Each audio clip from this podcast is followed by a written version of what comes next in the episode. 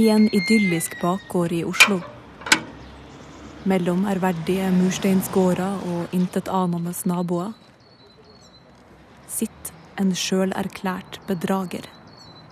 Ja, når jeg har fått priser, da, eksempel, så, så tenker jeg med en gang liksom Herregud, klarte jeg å lure enda en gjeng? Hvordan, eh, hvordan gjør jeg det? Og, og er de så dumme? Agnes Ravatn har ført oss alle bak lyset. Jo, i, i 2006, når, jeg, når uh, debutromanen min ble antatt, så tenkte jeg uff, stakkars. Stakkars Samlaget. Her har det Eh, her har det svikta i systemet, altså at eh, kontrollmekanismene ikke var på plass. Og nå skal de gi ut noe som de eh, knapt har sett, men som har liksom kommet gjennom systemet. Uff, bør jeg si ifra, eller skal jeg bare late som ingenting? Og sånn har jeg tenkt hele tida etterpå òg. Stort sett. Det begynte i det små, med artikkelserier og essaysamlinger og en enkelt roman. Men nå har det store bedraget nådd nye høyder. Det har vært et særdeles godt år for sjarlatanen Ravatn. Ja, det har jo det. Mm. Det har jo vært flere priser for Fugletribunalet, romanen min, og gode salgstall òg, som en ikke akkurat er noe som en går og forventer når en er nynorsk romanforfatter. Og eh, Ja, på hvilke andre måter var det et bra år, mener du? Men hvordan klarte hun det egentlig? Kjøpte noen boller, jeg er sulten. Hvordan klarte hun å sjarmere oss i senk? Kaffe? Og få oss til å tro at hun virkelig er en forfatter. Her er en kopp innpakka i en gulpeklut, men den er kokevaska. Hvordan klarte hun å bedra oss så grundig? Det er bare én person hun ikke har klart å føre bak lyset. Og det er seg sjøl. Herregud, hva er det jeg holder på med? Jeg er så dum. Jeg er så dum. Fugletribunalet av Agnes Ravatn. En foruroligende roman om skam og skyld. Og om Ja, hun skriver jo godt, men hun er vel ikke akkurat noen romanforfatter. Hun er en etablert skribent, kanskje mest kjent for vittige og ironiske, og kanskje til og med selvironiske kommentarer og kåseri. Herregud, hva er det jeg holder på med? Nei, jeg er vel ikke akkurat en romanforfatter. Jeg forteller en Alice Hagtorn, fallert TV-stjerne, flykter fra skammen etter å ha blitt tatt på fersken med kringkastingssjefen. Jeg gikk med kosten tilbake til redskapshuset. Da jeg kom ut, hadde han satt seg under kirsebærtreet igjen. Herregud, hva er det jeg holder på med? Jeg er så dum. Jeg er så dum. Jeg har jo bare skrevet to romaner, så jeg kan liksom ikke øse ut, men Ei flaske til? Uh, nei, jeg er vel ikke akkurat en romanforfatter. Gnei jorda av med såpe, vasker vekk svetten fra panna. Sånn stort sett så føler jeg ikke eh, at jeg liksom må skrive. Jeg tenker at man skal ha veldig god menneskelig innsikt for å klare å, å beskrive så godt det å føle seg såpass usikker og utrygg. Eh, Og da blir jeg alltid mistenksom at eh, Å ja, hun er ikke ekte forfatter, fordi eh, ekte forfattere eh, holder jo på å eksplodere av uttrykkstrang. Da er det bare å gratulere Agnes Ravatn som vinner av P2-lytternes romanpris for bokåret 2013. Nei, jeg er vel ikke akkurat en romanforfatter.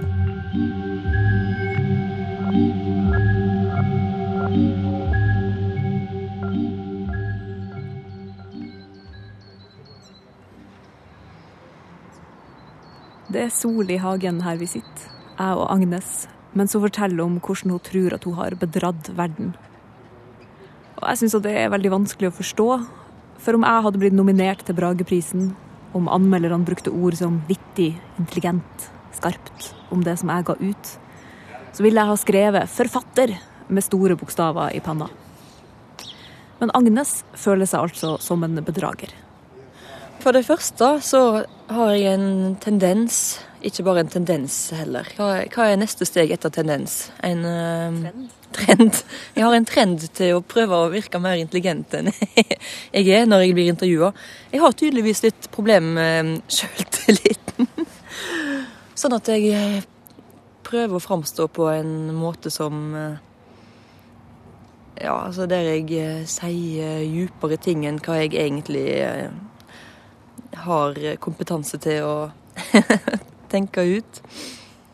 Bare for et par dager siden ble jeg intervjua av Morgenbladet. Og herregud, da ville jeg i alle fall prøve å være intelligent. Og da hun satt bare og så helt sånn vantru på meg fordi jeg vikla meg inn i det dummeste Det var ikke resonnement heller. Det var Prøvde liksom å trekke inn gamle grep Helt sånn sjukt.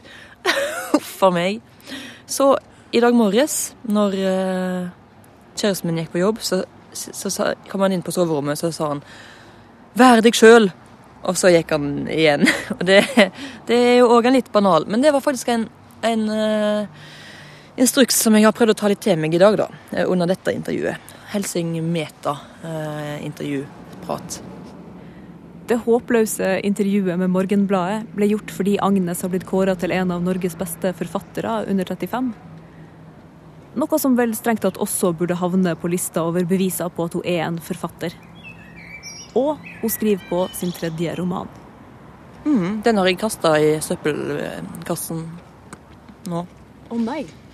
Mm, det tror jeg Jeg skylder på Jeg skal bare tygge, tygge og svelge denne bolla, men jeg skylder på regjeringa. Mm, har jeg tenkt i ettertid at jeg ble Toril Vidvei især. Jeg ble så opptatt av uh, der, det derre evige maset om at en må tjene penger. Når en, for, for, å kunne være, eller Hvis en skal rettferdiggjøre sin eksistens som kunstner eller forfatter, i mitt tilfelle, så skal en, være, så skal en kunne klare seg sjøl økonomisk og være entreprenør og sånn. Og så gikk jo salget med Fugletribunalet bra, så jeg så jo at det er faktisk mulig å selge bøker og, og kunne leve som forfatter. Litt iallfall til og fra.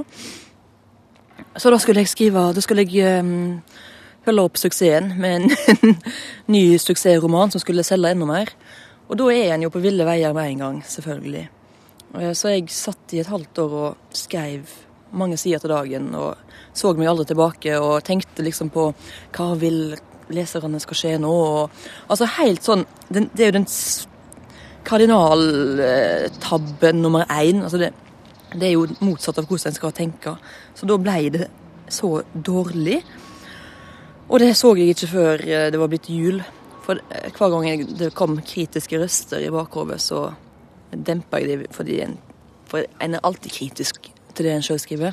Så jeg tenkte hver gang sånn Ja, men sånn Det tenker du alltid. Bare kjør på. Så jeg skrev videre, og så Ja, så jeg sitter med 150 verdiløse sider. Dessverre. Som jeg skal gi til Toril Vidvei i jul. Om 2015. sånn går det. Men hva var det du så for deg at leserne ville ha? Krim. det er jo det verste av alt. Det ble en, det ble en krimroman. Jeg vet ikke hva jeg skal si. Jeg. Det er helt Hvilken type krim er det? Sånn uh, engelske skulle... cyanid i tekoppen-varianten? ja. Nei, det var faktisk et forsøk på å skrive en veldig samfunnsrelevant uh, politisk krim. Ja.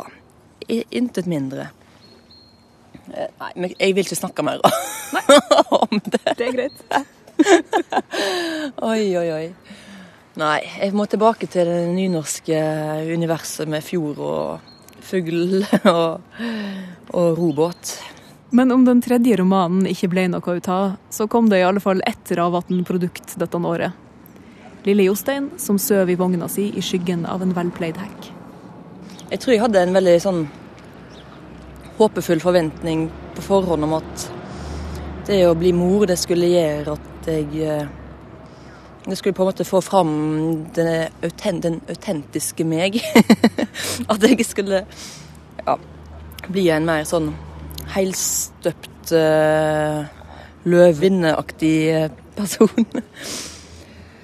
Men det, det viser seg vel at jeg er stort sett den samme, bare at jeg har eh, helt andre oppgaver enn hva jeg hadde før. Utover det så er, så er det meste ganske likt. Kanskje det som har overraska meg mest, er at det ikke er så jævlig likevel. Jeg var veldig forberedt på eh, Altså, fødselen i seg sjøl var jo forberedt på at det skulle bli et helvete, men ikke minst tida etterpå skulle bli eh, Ja, det skulle bare være en krigssone. Eh, det er på en måte den fortellinga jeg har fått fra, fra de fleste hold. Det er jo veldig emosjonelt og skjørt, ekstremt skjørt i starten. Men så blir både ungen som jeg nå ser begynner å bevege seg litt i vogna. Både ungen og foreldrene blir litt mer robuste etter hvert. Og så går det ganske greit. Men nå er han bare tre måneder gammel, så jeg vet jo ikke hva jeg snakker om i det hele tatt. Så det er jo bare idiotisk at jeg sitter og legger ut om hvor Men ja. Han skal jo bli 18 år og kjøre seg i hjel, ifølge statistikkene, så det er kanskje ikke får nyte av det nå. Det var mørkt. Ja, men, men sånn er det. Jeg må være forberedt på, på alt. Bestselgende forfatter, prisvinner, mor. Fra min side av mikrofonen ser absolutt ikke Agnes Ravatn ut som en bedrager. Jeg må innrømme at jeg er mest redd for at hun skal avsløre meg. Avsløre at jeg ikke har lest alt hun har skrevet noensinne, f.eks. Herregud, er jeg holder på med? Utdanna meg til det. Jeg er ikke noen ordentlig journalist. Hun er vel ikke akkurat noen romanforfatter? Herregud, er Hva er det jeg holder på med? Hvor kommer den ifra, denne følelsen av å ha lurt alle? La oss prøve oss på ei lita tidsreise. Til starten av Ravatns skribentkarriere, som faktisk begynte med et bedrag.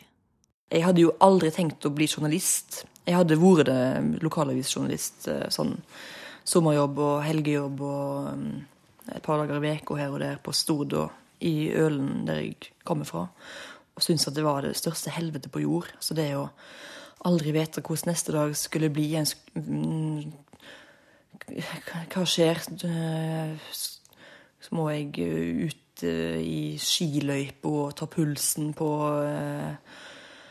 påskegjestene, sånne ting. Sånne helt sånn grusomme ting. Stoppa folk på gata og spør, stille de spørsmål. Og jeg husker faktisk på videregående så var det sånn operasjon eh, dagsverk i første klasse. Og jeg var jo så veldig glad i å skrive. Så jeg fikk meg jobb i den lokalavisa som var på Stord. Men jeg hadde jo på en måte ikke tenkt den tanken helt ferdig, fordi det, jeg likte å skrive, men jeg var ekstremt sjenert. Og det oppdraget jeg fikk i avisa, det var å gå ut på gata og snakke med folk om Operasjon Dagsverk, eh, på en måte. Metajournalistikk, apropos. Og da tørte jeg ikke å stoppe en eneste person.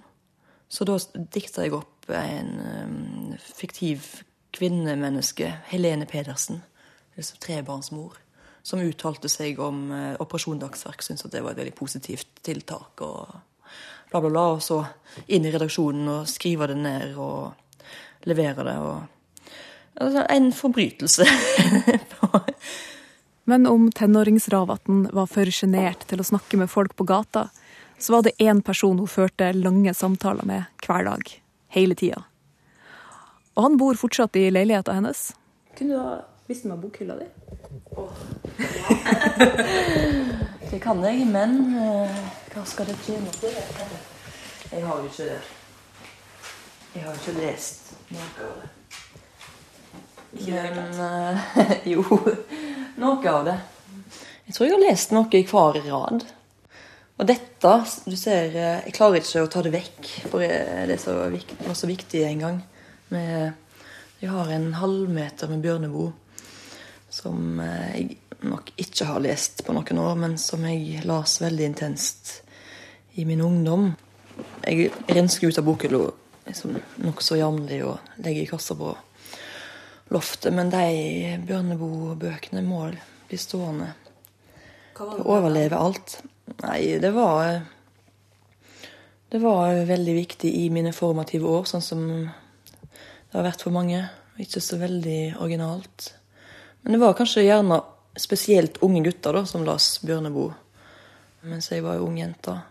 Og var helt besatt av Bjørneboe i ja, mange år, egentlig. Fra slutten av ungdomsskolen og utover i videregående. Vi førte sånne imaginative samtaler med han hele tida. Uansett hva jeg gjorde. Om jeg var på trening eller om jeg var på skolen. Bare rulla og rulla. Men um, Hva var det du og Bjørneboe snakka om? Nei, det var vel ondskapens problem og Jeg var veldig, veldig opptatt av han og inspirert Eller inspirert Jo, inspirert av han. Jeg syns det var vel noe av det første jeg las som var skikkelig voksenlitteratur. da. Det begynte i 14-årsalderen, tror jeg. Og som, som dermed kom med en sånn voldsom kraft, fordi han kommer jo med en voldsom kraft. altså han det er jo sånn han skriver. Og enkle verkemiddel som eh, de onde i bøkene er skikkelig onde, og de gode er skikkelig gode og sånn. Som en kritiserer i dag. Men, men eh, du verden hvor effektivt det er likevel, da. Så han må stå, få lov å stå fortsatt. Bjørneboe var kanskje også en takknemlig samtalepartner for en som ikke følte seg helt hjemme i ei lita vestlandsbygd. Jeg husker sånn i, i musikken i sjuende klasse. Læreren sa at ja, nå, skal nå, skal dere få lov til å høre på den musikken som dere har lyst til å høre på òg, innimellom. Så det vi gjør nå, er at dere skriver på, skriver på et ark hva dere har lyst til å høre på hva musikk dere har lyst til å høre på, at vi spiller her i musikktimene. Og da skrev alle på en lapp det de ville høre på, og så las læreren opp til slutt alle lappene. Og da var det smurfehits, smurfehits, smurfehits. Eh, 28 lapper med smurfehits, og så var det én lapp der det sto Elvis Costello. Som da jeg, litt veslevoksen, men likevel, som jeg hadde skrevet. Og da det ble sånn hvem i helvete er det som har skrevet, Hvem er det som har skrevet? Og noen spurte meg det du, var det du som skrev eh, eller Elvis. Og jeg bare Nei, nei, nei, jeg skrev Smurfehits. ja. ja, jeg tror jeg var veldig utenfor. Og hadde liksom lit, veldig lite trøst å trøste meg med.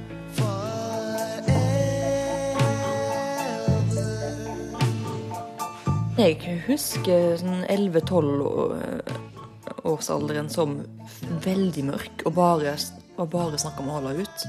Det eneste som holdt meg oppe, var på en måte tanken på at, jeg, at nå som det er så ille, så vet jeg Så, så er det nødt til å, snu. Så det må bli bedre. But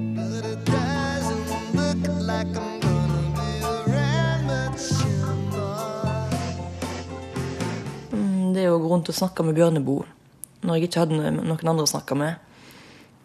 Det var litt sånn at jeg Det er jo veldig komisk, men at jeg følte meg veldig sett av Bjørneboe. Som da hadde vært død i 30 år. Men også før hun møtte Bjørneboe, så ville Ravatn bli forfatter når jeg da blir hjemsøkt av dette kvakksalversyndromet og tenker at jeg har lurt hele verden, så er det alltid veldig mye trøst i å tenke på at når jeg var en fem, seks, sju år, så var det å lage historier, skrive historier, det kjekkeste jeg visste. Og det var det jeg gjorde. Satt på rommet mitt og, og lagde bøker. Men en forfatter var noe så stort, så overmenneskelig. Og hvem kunne egentlig bli det? Jeg hadde lyst til å skrive. Men jeg trodde jo ikke i min villeste fantasi at det gikk an å være forfatter. For det var det jo bare kanskje fem personer i Norge til enhver tid som kunne være. Og på den tida så var det Jan Kjærstad og Anne Karin Helstad og tre andre. Så de, de posisjonene var på en måte tatt. Og alle andre måtte bli norsklærere eller journalister. Det skal sies at hun fikk et litt mer jordnært forhold til forfattere etter hvert. De slutta å være abstrakte skikkelser eller usynlige venner, sånn som Bjørneboe, og ble mennesker man kunne ta og føle på. på godt og vondt. Er det sant at du har gitt Jon Fosse ei lårhøne? ja. ja, jeg har gitt Jon Fosse ei lårhøne. Men det er noen år siden. Det var på nattestid i Bergen. Når han ikke ville være med videre på neste bar, men heller ville ta en, en drosje hjem. Men det er sånn en må kunne tillate seg når en er ung og syns at en har liksom eh, verden og livet foran seg.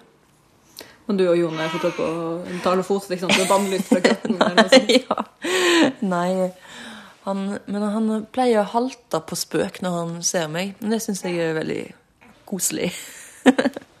men sjøl etter at forfattergeniet har blitt tatt ned av sin pidestall og blitt gitt ei saftig lårhøne, så virker det som det er noe med denne figuren. Noe som gjør at Ravatn, når hun sjøl blir forfatter, tror at det er en glipp fra forlaget sin side at hun har lurt dem alle, og at hun kanskje egentlig burde si ifra. Stakkars. Stakkars Samlaget. Her har det eh, her har det svikta i systemet. Uff, bør jeg si ifra, eller skal jeg bare late som ingenting? Men debutromanen Veke 53 får gode kritikker. Forlag og kritikere er fornøyd. Agnes har fått jobb i Dag og Tid som kulturjournalist, og skal samtidig skrive på roman nummer to. Men så dukka det opp en ny vanskelighet. Hun klarer ikke å skrive. Verken artikler eller bok. Til slutt så fant jeg ut at å ja, jeg har skrivesperre. Jeg lider av skrivesperre, selvfølgelig. Det som, som alle eh, store talent eh, lider av, før eller seinere. Og så begynte jeg å lese litt om skrivesperre, og da fant jeg ut at jeg har jo ikke skrivesperre, jeg er jo bare lat og er en klassisk utsetter. Og det har jeg alltid vært. Når hun egentlig skal skrive, sitter Agnes på nettet. Hver gang hvis jeg satt og skrev, hver gang jeg stoppa litt opp, så var det rett inn og sjekke e-post. Altså, sånne ting som alle kjenner seg igjen i. da, men Og nettaviser og sånn fast runddans med med eh, VG, Dagblad, VG, Dagblad, Facebook, Twitter, Gmail, VG, tilbake til VG, tilbake til Dagbladet, så rundt og rundt og rundt, så var den dagen gått, liksom. Og sånn holdt jeg på ganske lenge. Du er liksom som ei sjølpiskende rotte som krafser deg eh, framover fra inni et sånn eh, rottehamsterhjul. Det er jo bare rundt og rundt og rundt på de samme nettavisene, og en blir aldri tilfredsstilt. Eh, og jeg var så utrolig lei av den atferden min. Og jeg, hver dag når jeg kom hjem fra jobb, så og gikk jeg til datt jeg i seng og helt sånn svart innvendig og tenkte at eh, nå er jo mitt liv over hvis det fortsetter sånn. Og det er ingen grunn til å tro at det ikke kommer til å fortsette sånn. Og sånn som dette er jeg. Jeg er dømt til å sjekke e-post en gang i minuttet uten å klare å svare på de e-postene som kommer inn resten av livet. Det går flere år. Romanen hun skriver på, blir ikke ferdig. Jeg så veldig sånn mørkt på framtida fordi jeg var så veldig godt på vei. Jeg hadde hele livet mitt drømt om å bli forfatter. Og hadde til og med oppnådd det. Jeg hadde fått gitt ut en debutbok, og jeg hadde skriving som jobb. Altså, jeg kunne leve av det. Og så satt jeg der og googla verdens høyeste froskehopp, når jeg egentlig skulle, skulle jobbe med andre ting. Til slutt må Agnes krype til det litterære korset. Hun tyr til sjølhjelpsbøkene, leser haugevis av dem, og fordyper seg i forskning for å prøve å forstå hvordan hun skal klare å komme seg ut av nettavisloopen. Hvordan hun skal klare å slutte å utsette alt hun gjør. Unngå å se tilbake på livet sitt og bare se ei endeløs rekke artikler fra vg.no. Så rundt og rundt og rundt. og rundt. Tilbake til VG. Hva er det jeg holder på med? Viljen er svak, og vi gjør ikke det som er bra for oss alltid. Det er også de som mener at eh, svak selvkontroll også gir dårligere liv og mindre lykke. Herregud, hva er det jeg holder på med? Agnes Ravatn, du er forfatter og skribent, og du skriver bl.a. for Dag og Tid. Og her har du hatt selvkontroll som tema i en lengre periode. Det mennesket har lyst på, er umiddelbare fristelser.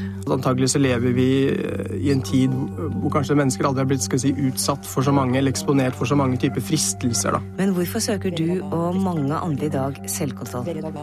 Det er omtrent et år jeg har holdt på med altså, å lese om det og researche det. Og, og jeg har fått det mye bedre, må jeg si. Agnes gir smarttelefonen en pause. Logger seg av Facebook. Legger bort datamaskinen. Og begynner å skrive for hånd. Når jeg sier at jeg skriver for hånd, så, så syns folk at det er så radikalt. Det er liksom som om jeg forteller at jeg, jeg bruker veltepetter, jeg. Eh, jeg ser at andre har andre typer sykler, men jeg liker det. Men det er jo ikke så veldig radikalt. Jeg har alltid likt å skrive for hånd, og så begynte jeg å gjøre det igjen. Og da kom jeg endelig tilbake igjen til den derre veldig gode og fine følelsen som jeg visste en gang hadde vært der, når jeg skrev. Og da begynner endelig romanen 'Fugletribunalet' å ta form. Var det den sånn researchen du gjorde til uh, Operasjon Sjøldisiplin som gjorde at du klarte å skrive Fugletribunalet? Ja, langt på vei. Jeg drømmer jo om å skrive noe som Det å få andre til å kjenne seg skikkelig igjen. Å få en form for trøst eller styrke eller sånne litt store ord som en faktisk kan få av litteratur, da. Det har jeg veldig lyst til å få til. Jeg syns det er fortsatt veldig godt å bli rykka ut av det dagligdagse og faktisk se seg sjøl eller livet sitt og litt på avstand. og Hver gang en har muligheten til å stoppe opp og tenke et eller annet fordi en venter på en buss eller bare ser ut vinduet eller det er et lite sånn rom som åpner seg i tida der en kunne ha tenkt noe er interessant om seg sjøl og livet sitt eller andre eller om politikk. Det, de tomrommene fyller en jo nå med å ta opp mobilen og sjekke vg.no. Det gjør jeg òg, bare så det er sagt. Men der har du fortsatt litteraturen da, som en helt sånn tydelig Den står igjen og insisterer på å få leseren til å stoppe opp og ja, tenke seg om. 'Fugletribunalet', Agnes sin andre roman, kommer ut høsten 2013. Den selger tusenvis av eksemplarer, vinner P2-lytterne sin romanpris, og anmelderne roser den opp i skyene. De skriver at Ravatn viser seg som en ekte romanforfatter. Men Agnes tenker sitt. Og det er så en sånn veldig uh, teit uh, Jeg tror det er et teit utslag av um, overlevelsesmekanismene våre. At en skanner liksom landskapet, og eh, hvis alt ser bra ut, så er det greit. Men hvis en ser farer, så henger en seg opp i dem for å overleve.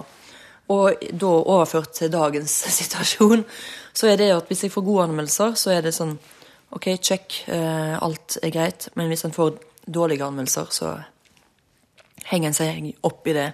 Og jeg fikk jo noen anmeldelser som var direkte Iallfall én, to, som var virkelig direkte eh, dårlige, der kritikeren spurte ja, er dette meint som en vits. Er dette ironi, eller hva i all verden?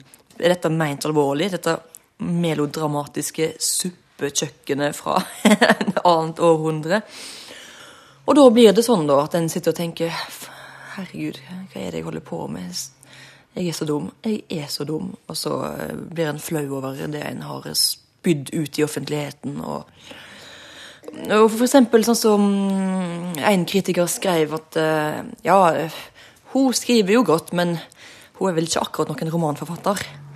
Og da tenker jeg da at nei, jeg er vel ikke akkurat en romanforfatter. Selv om 20 andre kritikere har sagt at eh, her viser Ravatn at hun er en fullblods eh, romanforfatter. Så det er sånn som en må jobbe litt med, og mm, de der kritiske røstene må en aktivt jobbe med å undertrykke. Og det å jobbe med seg sjøl og sine egne indre tvilere og kritikere begynner Agnes å få ganske god erfaring med. Våren etter at Fugletribunalet gis ut, så kommer det ei ny bok. Ei bok om viljestyrke. Jeg måtte svelge den største kamelen som fins i, i, den nynorske litteraturhistorien, og skrive ei sjølhjelpsbok. Boka får navnet Operasjon sjøldisiplin, og er et slags konsentrat av alt det som Agnes sjøl leste da verden så svart ut og nettavisene sto i veien for framtida. Er det den første nynorske sjølhjelpsboka? Jeg antar det. Da har jeg ikke leita den veldig nøye. Men jeg, jeg vil jo gå ut ifra det. To bøker i løpet av et lite år. Det høres ikke egentlig ut som noe som en bedrager ville fått til. Det høres ut som noe som en forfatter får til. Og det vet kanskje egentlig Agnes sjøl også.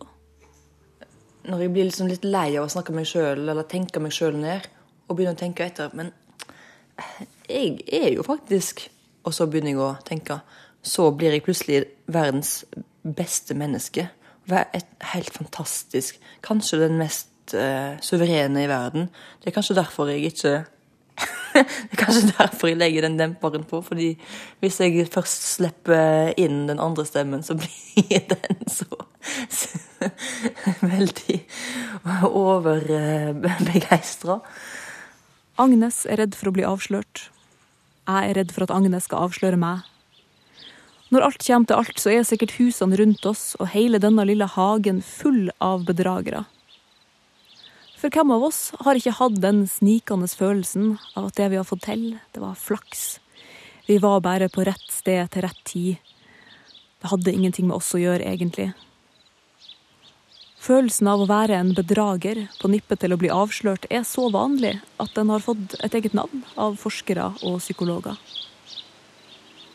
Det er selvfølgelig et eh, veldig vanlig fenomen blant kvinner som heter uh, the imposter syndrome, altså kvakksalversyndromet. At en um, føler at Og eh, jeg har kommet her i livet fordi jeg har lurt hver eneste idiot som har kommet eh, forbi på min vei til å tro at jeg er noe helt spesielt, og her sitter jeg og snart blir jeg avslørt.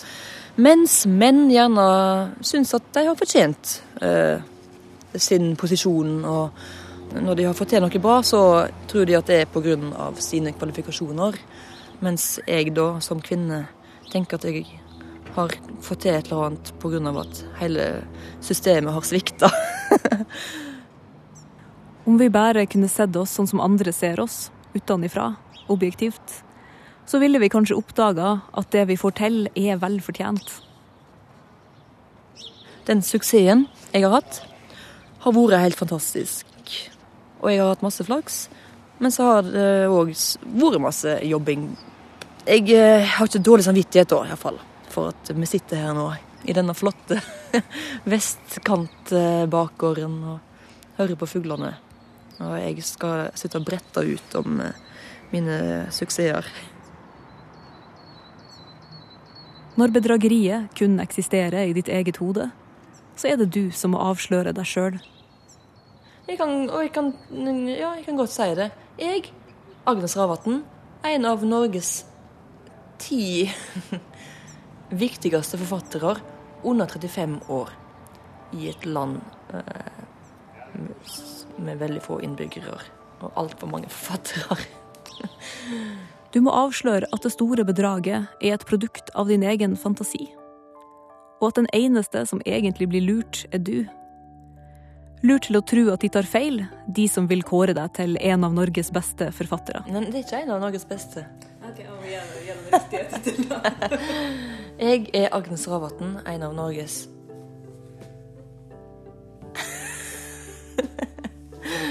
Ja. Jeg er Agnes Ravatn, en av Norges ti viktigste forfattere. Rar. Under 35. Vent. Jeg er Agnes Ravatn. Norges eh, topp tre eh, viktigste forfattere gjennom tidene. Nei, sa jeg Norge, som mente verdens.